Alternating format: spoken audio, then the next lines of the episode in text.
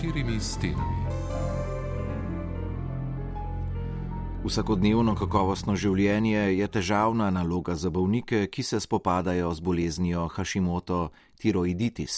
Že pot do diagnoze je trnova in pogosto odvisna od sreče, iskanje vzrokov in zdravljenje pa je sploh individualno.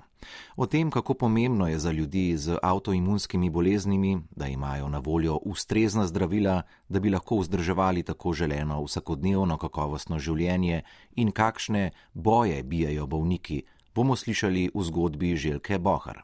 Pred mikrofon jo je povabila Cirila Štubar. Gospa Željka Bohar, eh, dobr dan. Dobr dan. Nenavadno vidki ste za svoje stanje bolezen Hashimoto po več letih vam je uspelo marsikaj, lahko poveste, kaj danes še kaže na to, da imate bolezen Hashimoto.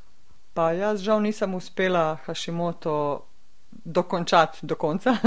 še zmeraj ustaviti, mislim. Ustaviti, ja. Še zmeraj se borim z njim. E, naprimer, ko pridejo kakšne bolj stresne situacije, več neprespanih noči zapored ali pa kakšna druga bolezen uh, se enostavno telo odzove, na, kako bi rekla, bolj je dovzetno, bolj je nežno, bolj je občutljivo.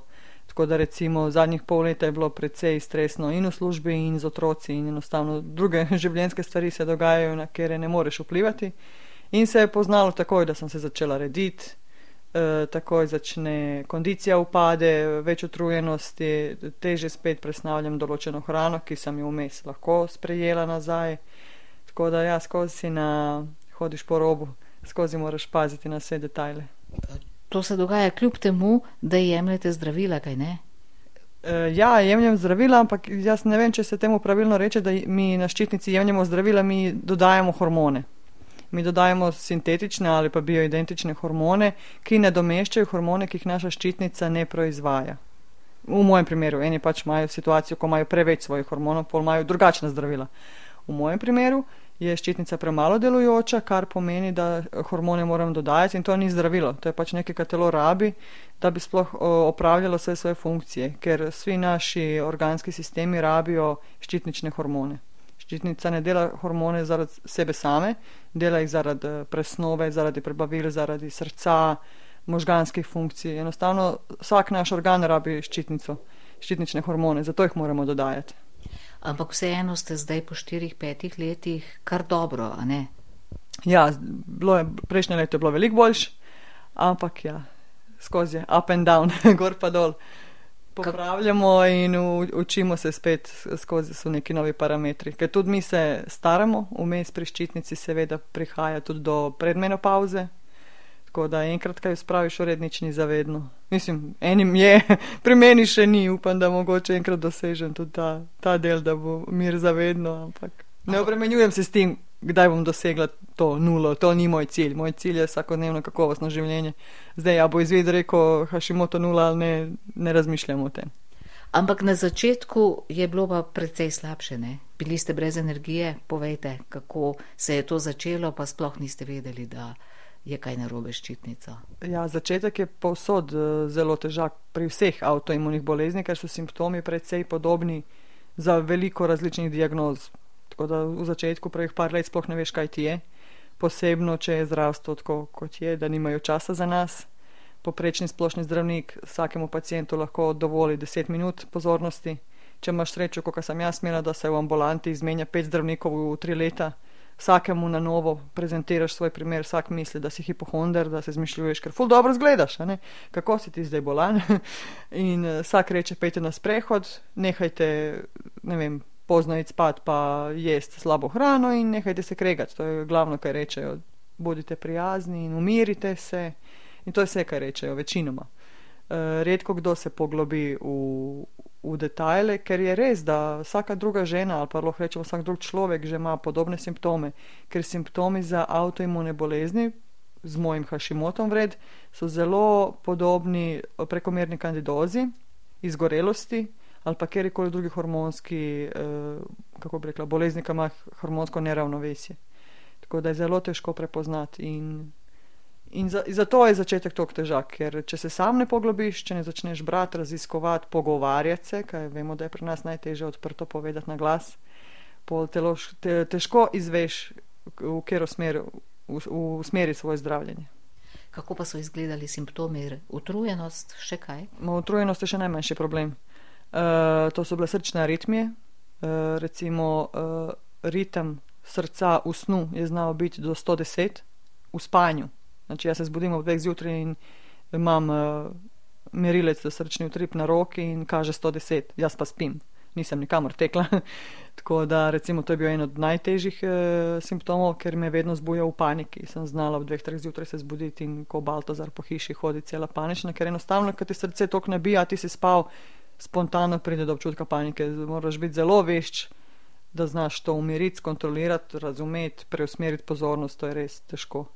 Pol je recimo eno težjih, e, e, kako bi rekla, simptomov so tudi te e, prebavne motnje ker eh, nekako se izpreplete simptomatika na ženskih spolnih organih, pa na prebavilih, ker je to vse v trebušni votlini in ker je to vse v neto, ti enostavno več ne veš, a, ali imaš PMS, ali imaš eh, bakterije v črvesju, ali si napihnjen, ali imaš popadke, to so take bolečine bile.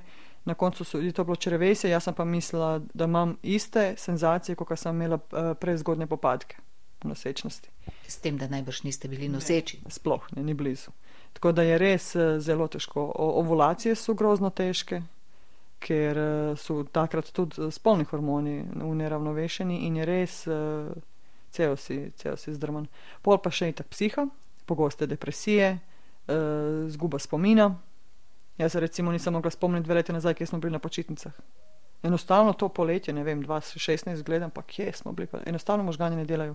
Pozabljivost za osnovne neke stvari, ljudje, s katerimi kontaktiraš vsak dan. Ne moreš se spomniti imena osebe, s katero sediš v pisarni.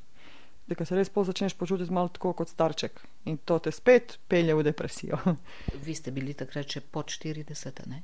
Ja, jaz sem imela, koliko sem imela, pet, šest in tu nekje 35 pri diagnozi, simptome sem imela pa dobrih pet let predtem.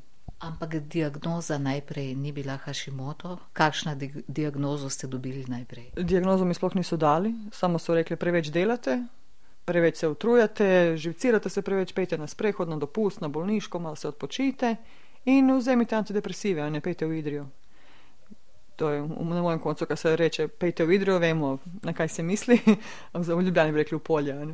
Tako da jaz to nisem mogla sprejeti, ker nisem imela takega tehnega razloga, da bi mislila, da je res z mano nekaj takega narobe. In uh, enostavno sem začela sama raziskovati simptomatiko. In uh, slišala sem za dr. Flis Smaka v Mariboru, Ona je, ma, točno niti ne vem, kaj je po specializaciji, ampak se ukvarja s temi hormonskimi težavami in uh, avtoimunimi bolezni. Sem jo poslala mail, cel roman sem napisala, kaj mi je, in ona mi je poslala listo, uh, ker je preiskave krvne, da naredim. In kad to naredim, da pridem do nje. To je bil prvi stik sploh z zdravljenjem. In kad sem jaz dobila izvide, sem videla, kaj mi je povišeno, upisala v Google in dobila diagnozo. In sem slučajno, ko sem surfala, sem najdla en dokument, mislim, da na kako rečejo v tem slovenskem portalu, med, medovrnet. Tam sem našla nekakšno PDF, dokument, Word je bil, ja mislim, in je 15 strani vprašanja, ker si postaviš, da vidiš, če si ti potencijalni hašimotovc. In ko sem jaz brala te simptome, jaz sem imela vse. Kompletno vse. In dan danes si čuvam, ta dokument sem si sprintala, ker je res vredna, vredna, vredne informacije so not. In, in sem pol enostavno povezala vso to simptomatiko iz tog dokumenta, vse odgovore na vprašanje sem imela točne in ko sem videla krvne izvide, enostavno to je bilo to. In potem sem šla do splošne zdravnice in je rekla, evo, to je, to imam. In pol je ona videla, pa res, pa zakaj ste to vi šli sama delati, ker izvid je bil na dobrih 300 evrov.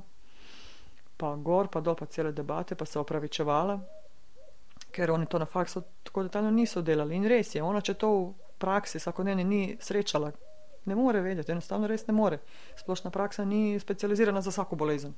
Res je težko diagnosticirati. Jaz se to strinjam, samo naše ambulante, tudi te preventivne, sploh to ne doživljajo. ne glede na to, kaj pol populacije ima nekakšno avtoimuno bolezen. Tako da to je bila diagnostika in pol sem začela tirologe iskati, tudi to je dve leti in pol je trajalo, da sem najdla tirologa, ki bo razumel, ker večina tirologov se upira sodobnim načinom zdravljenja. Pol pa je doktor Google, a ne, najbolj sovražena stvar med zdravniki, ampak je res me pripeljal do določenih skupin in mednarodnih, večinoma ameriških, pa tudi slovenskih, kje se zbirajo pacijenti in se delimo izkušnje. In tisti, ki smo imeli srečo, da smo imeli kakšen evro več, smo lahko financirali kakšno dobro knjigo iz tujine, ker na slovenščino nič ni prevedeno, ali pa kakšno posvet v tujini pri drugih zdravnikih, ker recimo Švica, Skandinavija, Združene države na čisto drug način zdravijo in obravnavajo avtoimune bolezni, kot je v konvencionalni medicini. Recimo. In tako je pol začelo, tu sem pol začela študirati. Vseeno ste pa morali priti do konvencionalne uradne diagnoze in tudi do uh, hormonov, pravite, ja. da ne zdravil. Ja, to je tudi bila posebna pot. Sem mogla zamenjati štiri tirologe, da sem dobila potrdilo, da jaz res rabim hormone. Ker namreč na ščitnici je problem ta, da uh, konvencionalna medicina ima določene zgornjo in spodnjo mejo, ki je gleda, da so hormoni, kako bi rekla, v mejah normale. Ampak zahodni svet je te meje že spremenil, ker so z leti dojeli, da če vi imate TSH 4,5, se ne počutite ni blizu dobro, pri nas recimo 4,5 je zgornja meja in te ne bojo dali zdravila, če ti imaš TSH 4,0. V Združenih državah že na 2,0 dobiš zdravila. Jaz sem pa bila nekje 4,7,5,0 in zdravniku je to bilo meja. Jaz sem se pa počutila kot mrtva. In ni res, nis, jaz sem par mesecev ležala v posli, nisem mogla nič opraviti, v službo sploh nisem hodila, v bolniški sem bila. In enostavno sem pol uh, izforsirala zdravnika, šla sem privatno, samo plačniško in sem ga izforsirala, da mi da hormone. Predtem pa sem imela tri mesece antidepresive na priporočilo splošne zdravnice in pol sem samo inicijativno, kako sem uvajala hormone, tako sem počasi zmanjševala odmerk antidepresivov. In me zdravnica ful grozila mi, da vi ste zdaj zalepljeni za njih zavedno, to se je 4-5 let, ne smete to delati, vam bo vam še slabše, boste rabili še večji odmerek, ki vas potegne nazaj. To se ni zgodilo. Jaz sem enostavno v mesec in pol časa zamenjala eno za drugo in nikoli v življenju poles nisem več rabila antidepresiv. Hormoni so se uravnovesili, prehrano sem istočasno spreminjala, gibanje, spanje, vse to ostalo, kaj že gre v kompletu in enostavno jaz sem v roku štiri mesece bila drug človek. Vi ste raziskovali vzroke te ja. bolezni, ja. zakaj ste zboleli, zakaj ste zboleli za avtoimuno boleznijo, do kakšnih odgovorov ste prišli. Zdaj le po tolikih letih lahko eh, povem skrajšano varianto. Pravzročitelji avtoimunih bolezni so strupi iz okolja, kar pomeni mikroplastika, toksini, pesticidi, razno razna mazila, s čim se maže, ambalaža, tetrapaki, pločevinke. E, to vse vpliva, da se enostavno kopiči v telesu in naše telo to ne uspe predelati, ne uspe se obraniti. Ščitnice tudi, da nas brani, pa nas ne more toliko velik. In enostavno začne se tle kopičiti, in, in tu pride do avtoimunega napada. Potem, seveda, stres, s tem, da moramo biti previdni pri definiciji stresa, ker vsakom je neki drugega stres. Enemu je stres, če mora sam na en sestanek v službi, enemu je pa stres šele, ne vem, eh, smrt staršev. Nimamo vsi isti prak tolerance za stres. Tako da tu treba biti res fleksibilen in dovoliti ljudem, da vsak ima svoj stres, nismo vsi isti. Tako da to je naj, najširši, to pokriva najširši del uh, simptomov. Potem pa uh, nosečnost, hormonske spremembe pri ženskah veliko krat, res vsaka tretja ženska, ki ima Hašimoto, ga je dobila po nosečnosti, ker taki hormonski skoki in spremembe v telesu, ki ni uravnovešeno že predtem, in, in če ima še kakšen drug vzrok, če je uh, slabo hrano, če ne spi, če ima kakšne stresne situacije ali pa travme psihične, to je garantirano, da bo fasala Hašimoto prelaslej. Tako da tudi nosečnost je zelo taka nevarna. Potem pa vitaminsko-mineralna podhranjenost telesa. Mi sploh ne vemo. Mi ne vemo, mi jemo, kaj jemo, mislimo, da ta brokola z našega vrsta bo nama nekaj dala. Vprašanje je, koliko je to sploh kaj zdravo, to noben ne more izmeriti.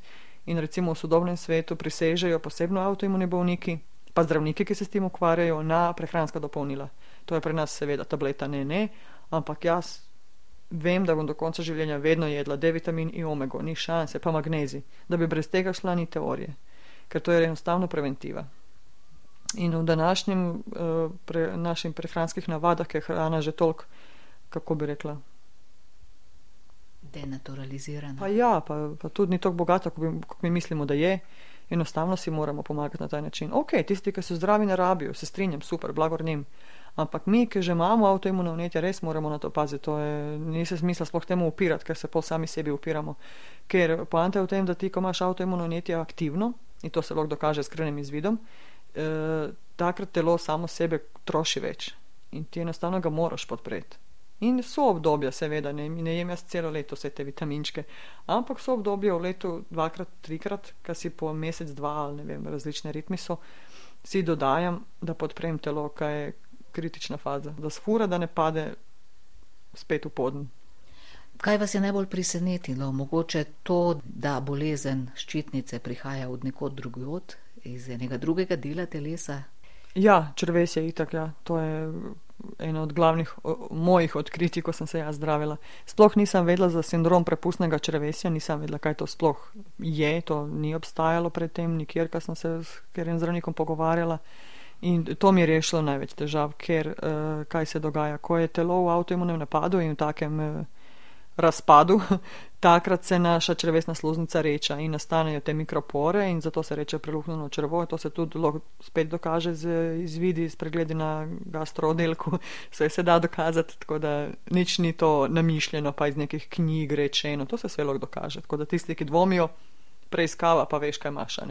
Tako da preluhnjeno črvo eh, dela težavo na ta način, da uh, v kri prehajajo snovi, namesto da jih se presnovi kar pomeni, vi pojeste nekaj, kar je polno umetnih barvil, alkohol, kava, poživila, predvsem, grejo direkt v kri. In recimo jaz, če spijem kakšen alkohol, jaz v roku 20 minut sem cela flekas, tako da imam alergijsko reakcijo. Pa nisem pijana, ampak reakcija je res taka, ne, neverjetno, koliko se to takoj vidi. To je zaradi prepustnega črvesja? Ja, ker enostavno v teloti takoj pride to, kar ne bi smelo. In naše črvesje, takrat sluznica črvesna ne dela, ne opravlja svojo funkcijo, ker je razrečena in o, tudi ona je izčrpana. To pa spet tudi pride zaradi stresa, pa zaradi svih tih stvari, kaj mi pojemo, kaj ne bi trebali. In kako ste se vi lotili sanacije pa, prepustnega to je, črvesja? To je bil zelo dolg proces in po moje še zmeri traja. Na leto dve zna trajati, en ima tudi dlje, ker je počasen postopek. Prvo moraš uh, črvesno sluznico regenerirati, potem jo moraš pa nahraniti, da sploh ona začne funkcionirati spet nazaj. Vmes pa ti imaš normalno življenje, normalen stres, kot ga vedno imaš. Ne moreš se izogniti umetne hrane, ker enostavno to je naša danes vsak, vsakdanjica, naša to brez tega ne gre.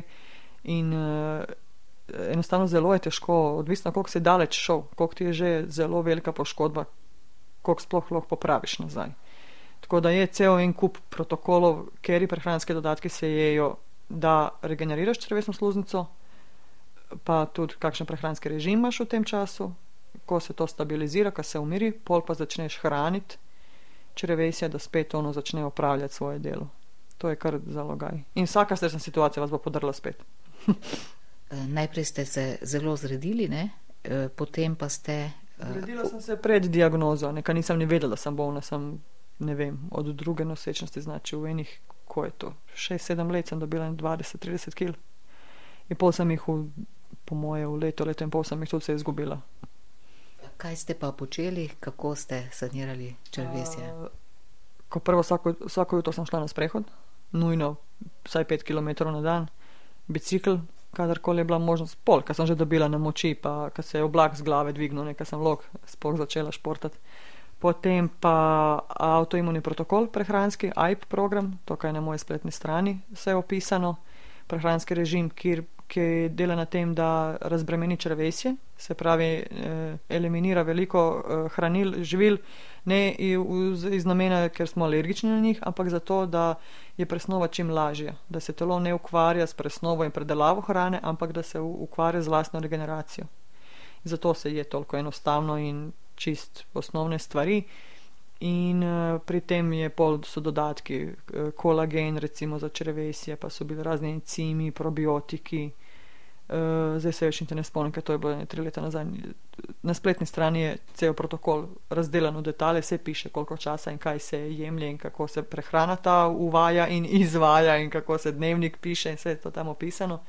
Ampak zdaj to recimo več ne rabim, to sem zdaj šla čez, vmes pa kasneje se mi je pojavila histaminska intoleranca. Histamin je tudi uh, ena snov, ki se uh, stvori, ko hrana uh, postane, ki stoji. Recimo, vi skuhate govejco, danes pa vi jeste čez 4 dni in vsa ta postana hrana ima vse več histamina. In histamin je tudi spet s krvnim izvidom lahko dokažeš, ali si na njega občutljiv ali nisi, ali ga lahko presnoviš ali ne. In če ga ne presnavljaš, pol tu pride do najizmenično driske in zaprtja, vrtoglavice, uh, izbruhi navala vročine, kožne alergijske reakcije, povišen srčni utrip, uh, zabuhlost, razno razne kombinacije, ki so alergijske reakcije, ti pa greš na alergotest, pa ti nič ne pokaže. Tako da recimo vmes sem še imela to zasanirati, po popravljenem črvesu in zdaj je to recimo mimo. to smo zdaj že tudi predelali in uh, to se tudi spreminja, odvisno od stanja črvesne flore, koliko si histaminsko občutljiv, koliko ne. To je lahko tudi prirojeno, recimo. Ste imeli pri tem kakšno vodstvo, kje ste se informirali, kje ste uh, dobili informacije, da ste lahko to počeli varno? Pa Ja, jaz sem to tvegala vse na svojo roko, kar ne bi priporočala, ker sem tudi kakšno stvar zeznila, pa sem imela tudi odriske od kakšnih vitaminov, neplanirane. Sreča nisem imela večjih poškodb, ampak ja, je precej tvegana stvar, vodstvo nisem imela. Šele na koncu, zdaj le pol leta nazaj, sem imela srečanje z eno imunologinjo na Bledu, v enem privatnem diagnostičnem centru in je zdravnica bila čist navdušena nad celim mojim protokolom, ful me je podprla, super ste to naredila, vse v nulo, kot da bi zdravnik naštudiral. Kažem, ampak veste, pri avtoimunih bolezni je problem ta, da ne obstajajo dva ista človeka. In ker nas ni 5000 istih, ne morejo narediti nobeno analizo, niti doktorat, niti raziskavo, da jo podpišajo in poštemplajo. Medicina pa dela samo, ki je štempelj. Oni ne bojo na, na osnovi pet nas, kaj smo izkusili nekaj, priporočili masi, seveda in zato se avtoimune tako težko zdravijo, ker ni še, ne moreš ti dokazati, koliko je uh, odpornost na stres različna. Isto tako probiotiki. Vam bojo pomagali, meni ne bojo, vi boste rabila 5 milijard enot, jaz bom rabila 2 milijarde. Enostavno ni šanse, da poenotiš populacijo in zato je tako težko pomagati. In to je prva zdravnica, ki je to tudi tako lepo rekla.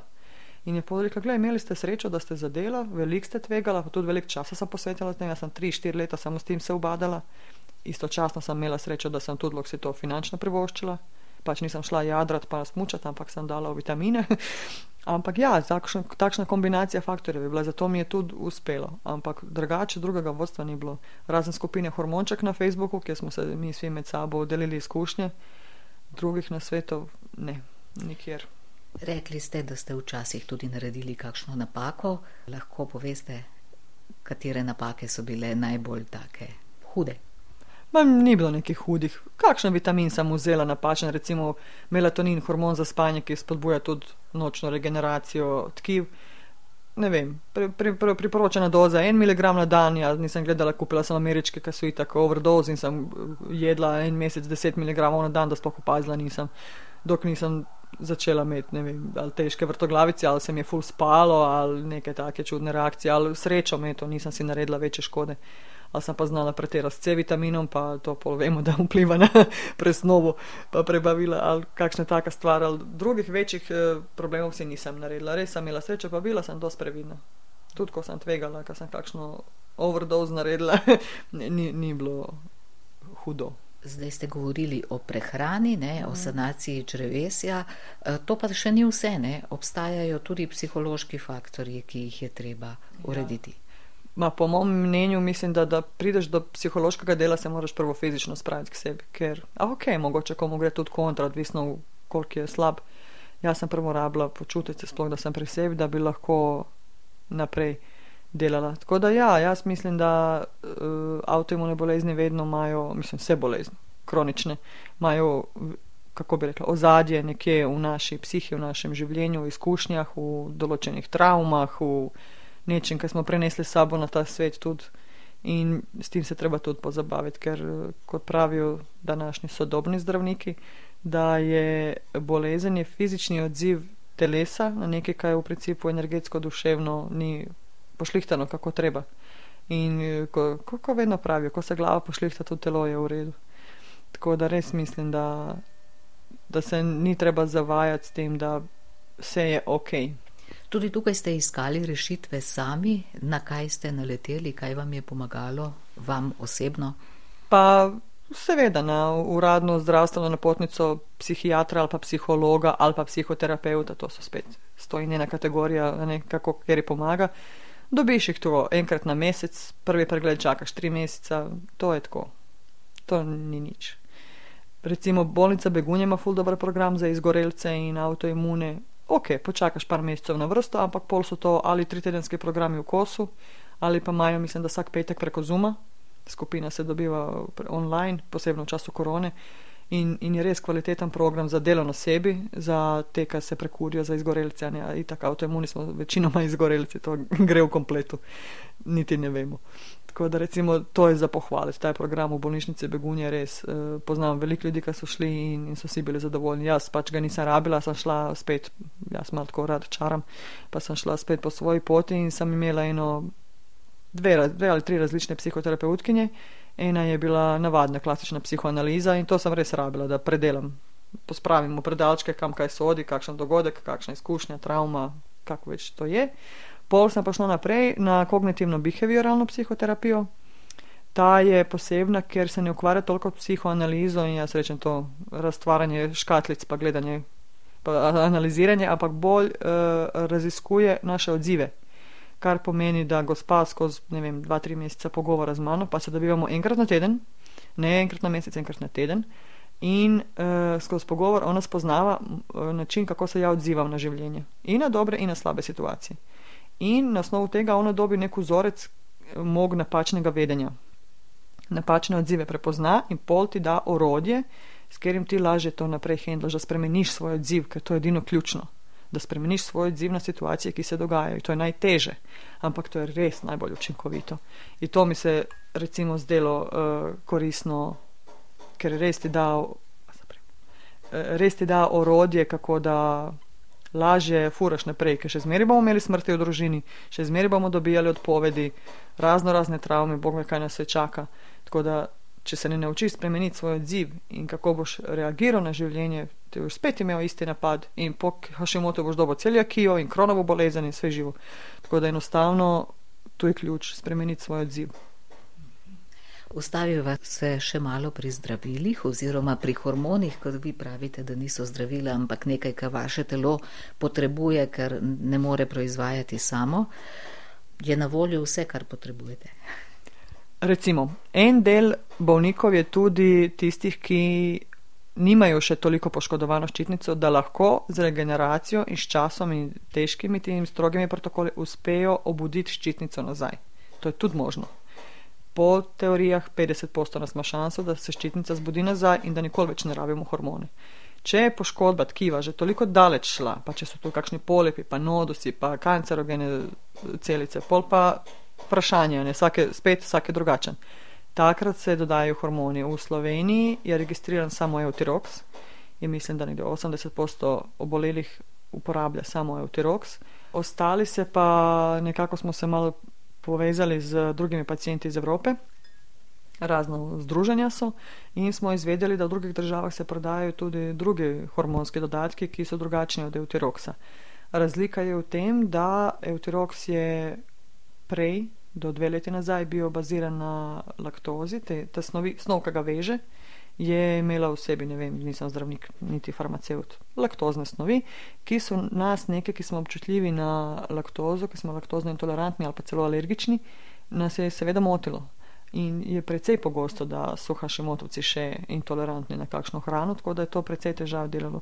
In so zato globalno Eutirox spremenili formulacijo in laktoza je šla ven, so dodali neko drugo snov, ki se med tem nekako dojeli, da je na nek način odvisno v kakšnih odmerkih, ampak kancerogeno. Tako da spet to je debata, ali ga uporabljati ali ne vse je vsaka stvar, ki jo uporabljamo, večinoma kancerogena, tako da ne vem, koliko ima smisla o tem sploh debatirati, ampak se nekako so punce z uporabo dojele, da tudi ta nova formulacija euteroksa uh, ima stranske učinke, ki so dost težki in uh, niso tako navdušene, ker tudi doza zdravila je čisto drugačna. In odmerek, ki ga zdaj dajo z novo formulacijo, ni isti kot prej. Tako da je spet pri tej spremembi bila cela kolaboracija na trgu, dok so pacijenti dojeli, kaj sploh jemljajo, kaj jim škoduje, kaj ne. Uh, mi kot skupina Hormonček smo se potrudili, smo delali veliko različnih anket med našimi uporabniki, v skupini nas je 8000 obolelih v Sloveniji. Pa si predstavljate, koliko nas je še, ki niso na Facebooku. Ne? Zelo velika številka. Ali pa takih, ki še nimajo diagnoze. Ne, Sploh ne vejo, da so naši. Ja. Tako da mi smo naredili eno anketo in smo nekako dojeli, da tisti, ki so na internetu, si lahko nabavijo zdravila iz Italije, naročiš si jih sam, pošleš bi recept, pa je, plačaš.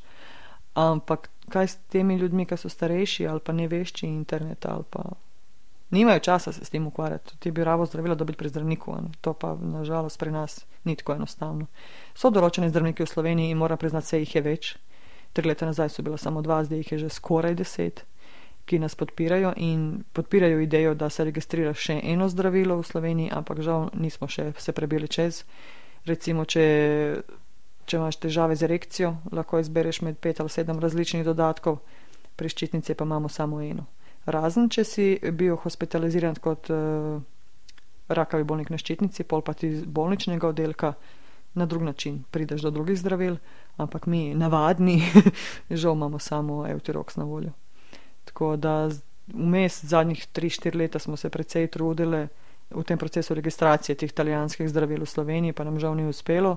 Šli smo tudi do varuha človekovih pravic, njegovo podporo tudi nismo dobili. Pisali smo tudi pritožbe na proizvajalca Euteroksa za zaradi stranskih učinkov, kaj je bila sprememba zdravila. Isto so rekli, da to pač ni dovolj, karkoli naredimo, ni dovolj. V vsakem primeru če imaš diabetes ali pa srčne težave, pritisk, imaš zihar pet zdravil na voljo pri zdravniku in ti ga bo ponujal, dok ne zagrabiš enega, kaj ti paše. Ščitničari smo obsojeni na enega, pa kaj najbolj smešno zdravilo sploh ni drago. Mislim, da je 20-25 evrov na mesec za enega bolnika. Kakšna pa je razlika, če vzamete eh, zdravilo, ki vam ne ustreza, to se pravi Eutirox ali pa tisto zdravilo, eh, po katerega morate čez mejo ali pa ga naročiti prek spleta? Pa razlika je v teh stranskih učinkih, ker to zdravilo, ki mi naročamo iz Italije, eh, nima v sebi, kako bi rekla, pakirano je tako, da je čisti hormon. Te vezivne snovi, ki so noter, niso nič, eh, nimajo alergijskih reakcij in ne izzivajo pač nobenih stranskih učinkov. Pa še lažja je dozacija, ker pri ščitnici je res toliko nežno določiti odmerek neverjetno. Recimo, če imaš Eutirox, imaš 50, pa ne vem, 75, 100 gramov na tirosintu, pa na tičeju, ta zdravila, ki mi uporabljamo, ti lahko po 2,5-5 gramov prilagajaš. Tako so narejene doze, tako so pakirani in je precej lažje. Sam, sam sebi določiti prav odmerek, pa pol upravljati s tem, ker se to spreminja. To ni zdaj vzamem, pa cel life ista doza, to se skozi spreminja. Tudi staramo se mi, ščitnica se spreminja, vse se spreminja. Tako da je res precej laže, pa ista cena je skoraj. Tako da še zmeraj ne razumemo, zakaj nam to zdravilo ne želijo registrirati. Zdaj smo zadnji dve leti precej pritisnili in na medije, in na uh, različne uvoznike celo, z njimi smo se že menili, in na proizvajalca Eutiroxa, in na uh, zdravstveno zbornico, na komisijo za registracijo zdravil, na zdravniško zbornico, nikjer nismo trkali, ampak žal COVID je pojedo vse druge bolezni, isto tako je pojedo tudi našo in nismo sploh dobili priložnosti niti medijske pozornosti, ker je samo bila tema COVID. Ko ka vidimo, država ni izumrla od COVID-a, ščitničare je pa vse več, ampak ko je vse druge kronične bolezni v času COVID-a, smo bili čisto zanemarjeni. Tako da zdaj bo treba spet nabrati moči in čas. Ne vem, kje ga bomo najdli, ker vse imamo službe in druge opravke. to je čisto naše prostovoljno delo. Ne? in uh, bomo mogli spet stopiti na žulj določenim, ki ne želijo enostavno registrirati zdravilo, ki ga mi rabimo. Jaz mislim, da je enostavno za tem samo farmacijski lobby. Zdaj nimam druge kot verjeti v to.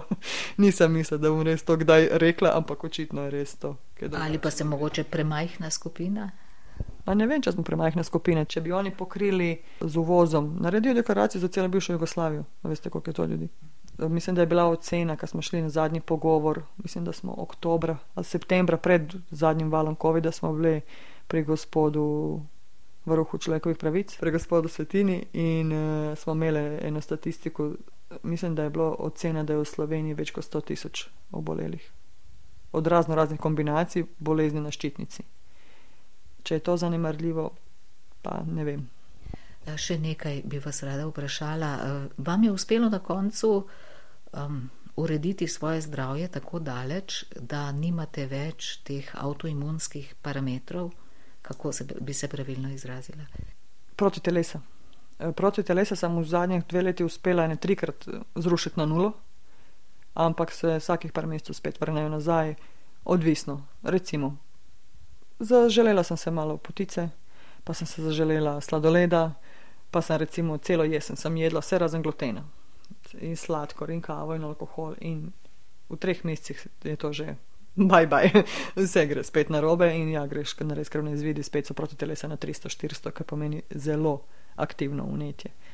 Uh, ampak ja, pol spet stroga vojaška disciplina, in se spet umiri, in spet gre na nulo.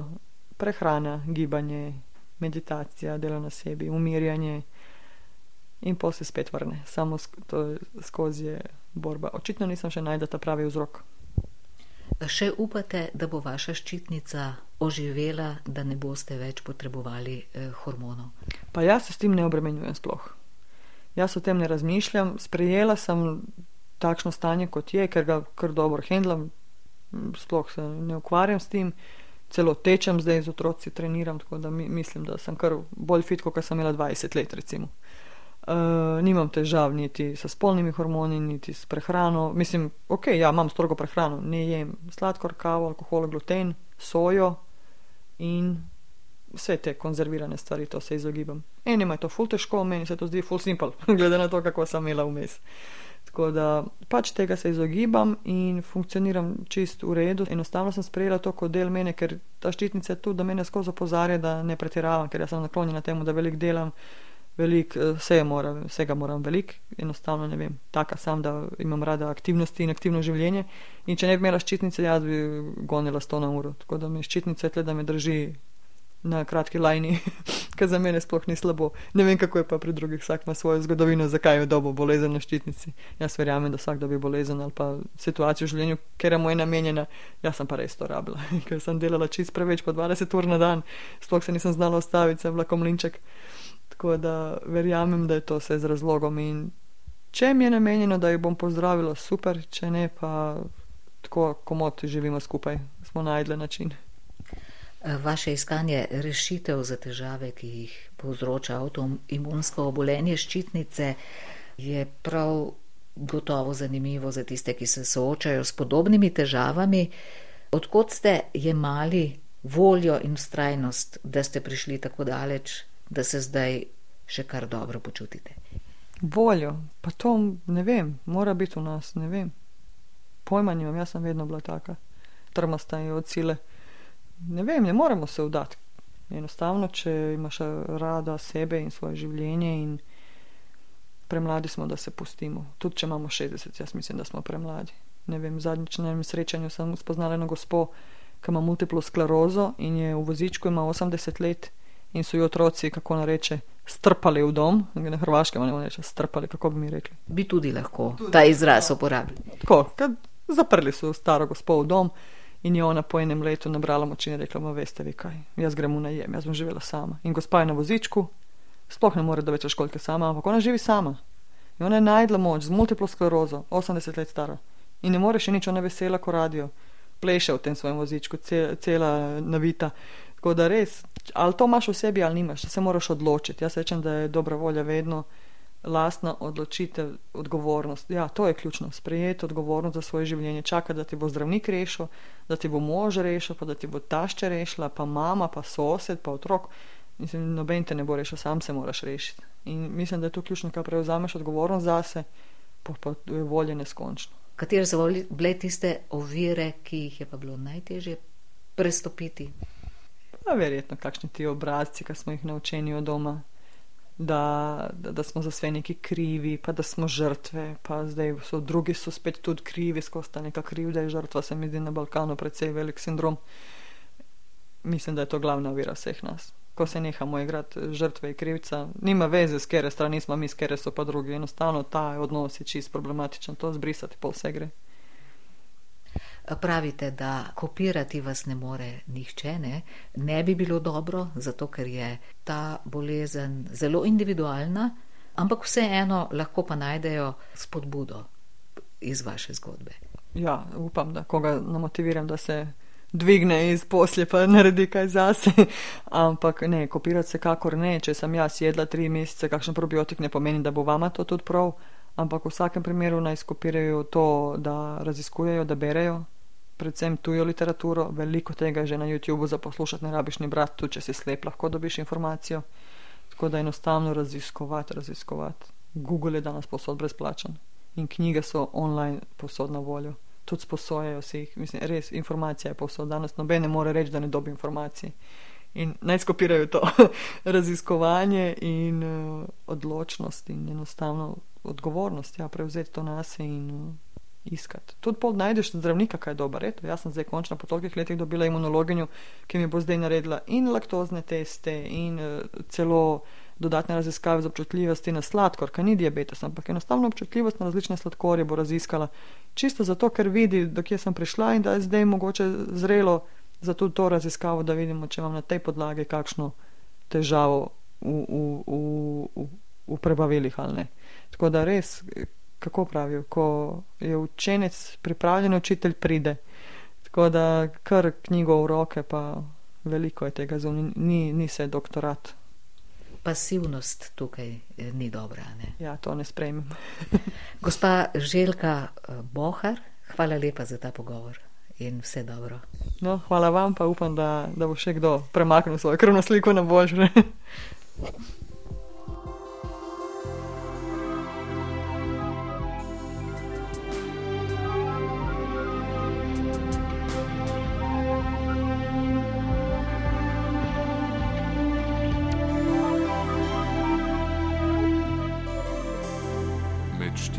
štirimi stenami.